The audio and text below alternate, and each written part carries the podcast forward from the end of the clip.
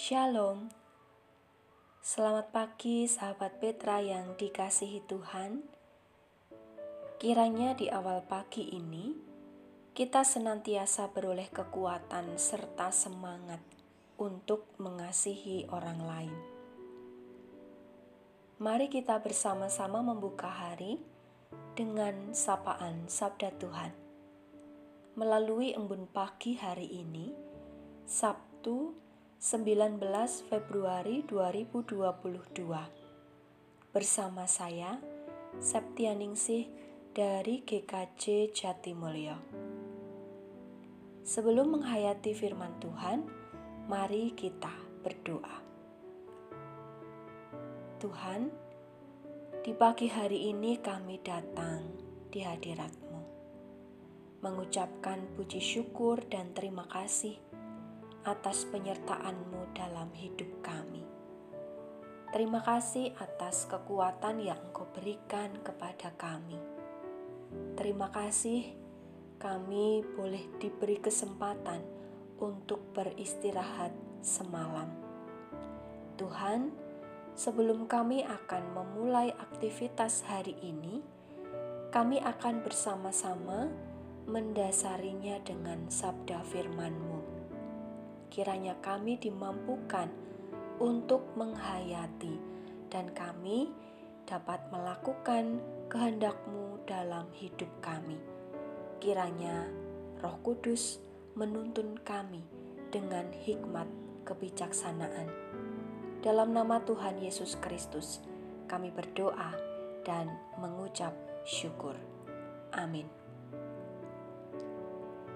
Sahabat Petra yang dikasihi Tuhan, tema renungan hari ini adalah perdebatan tentang membayar pajak. Berdasar dari bacaan Injil Markus pasal 12 ayat 17. Injil Markus pasal 12 ayat 17 yang demikian. Lalu kata Yesus kepada mereka, "Berikanlah kepada kaisar apa yang wajib kamu berikan kepada kaisar, dan kepada Allah apa yang wajib kamu berikan kepada Allah." Mereka sangat heran mendengar Dia.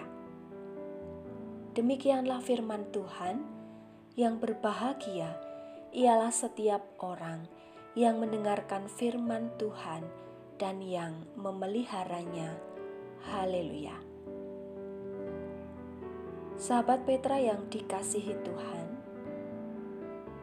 kita sudah sering membaca slogan "Orang bijak taat pajak". Kutipan salah satu artikel menjelaskan bahwa slogan itu bukan slogan biasa. Slogan yang terpampang jelas di jalan raya dan di website Dirjen Pajak tentu memiliki maksud tersendiri. Bukan sekedar jadi slogan apa adanya.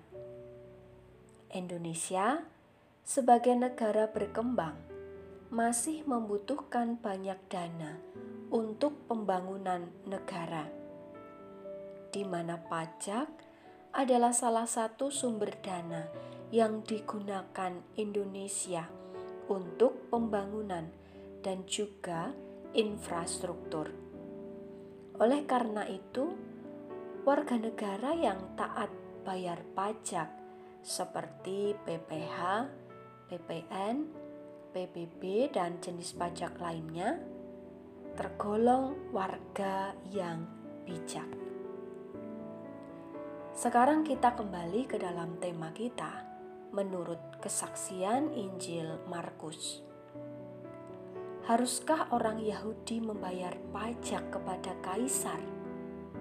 Merupakan masalah politik yang emosional dan mengandung banyak perdebatan jika kamu Farisi tidak menyukai, tetapi membenarkan pembayaran pajak, sementara pendukung Herodias mendukung pembayaran pajak. Orang Yahudi tidak senang membayar pajak kepada Roma, karena jika membayar itu berarti menyokong penindas mereka dan menunjukkan bahwa mereka juga bersedia tunduk. Sebagian besar uang pajak digunakan oleh pemerintahan Romawi untuk pemeliharaan kuil-kuil penyembahan berhala dan juga digunakan untuk gaya hidup golongan atas Romawi. Satu kelompok campuran, mereka terpecah dalam hal membayar pajak, tetapi bersatu untuk melawan Yesus. Terhadap konteks yang demikian, kemudian kalangan orang Farisi dan pendukung Herodes berharap bisa menjebak Yesus dengan pertanyaan terkait dengan pajak. Apakah diperbolehkan membayar pajak kepada kaisar atau tidak? Persoalan menjebak yang memunculkan dilematis. Jika Yesus setuju membayar pajak kepada kaisar, orang-orang Yahudi akan menolaknya dan bisa memungkinkan Yesus kehilangan dukungan. Dan kalau ia menolak, orang Romawi lah yang akan menangkapnya. Tetapi Tuhan Yesus mengetahui kemunafikan mereka, lalu berkata kepada mereka, "Mengapa kamu mencobai Aku? Bawalah kemari satu dinar, supaya kulihat." Uang logam yang diberikan kepada Tuhan Yesus bergambar Kaisar Tiberius di salah satu sisinya, dan di sisi lain bertuliskan Tiberius Kaisar Agustus, anak Agustus. Inilah mata uang yang dipakai untuk membawa, membayar pajak kepada kaisar.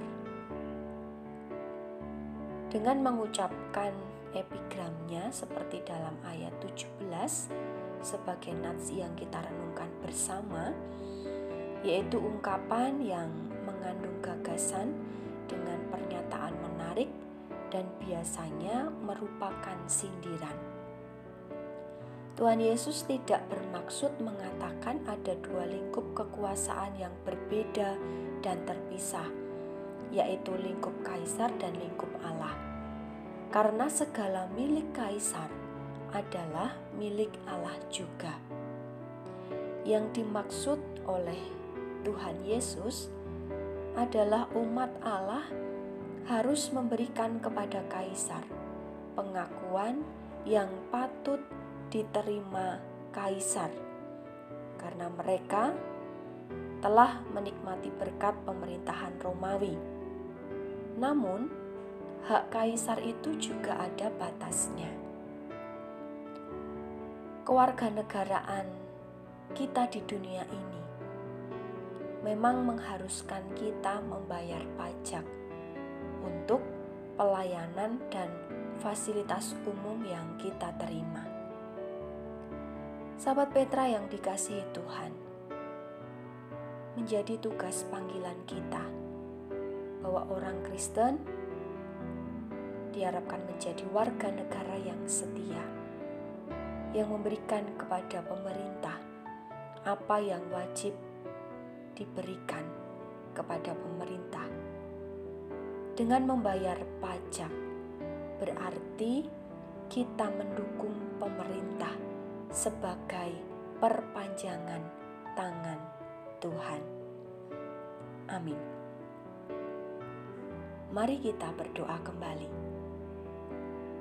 Tuhan Allah yang Maha Kasih, kami datang kembali menghadap hadirat dan bersyukur atas firman yang boleh kami hayati pada saat ini. Terima kasih atas keberadaan pemerintah yang ada di negara kami sebagai perpanjangan tanganmu di dunia ini, secara khusus di Indonesia.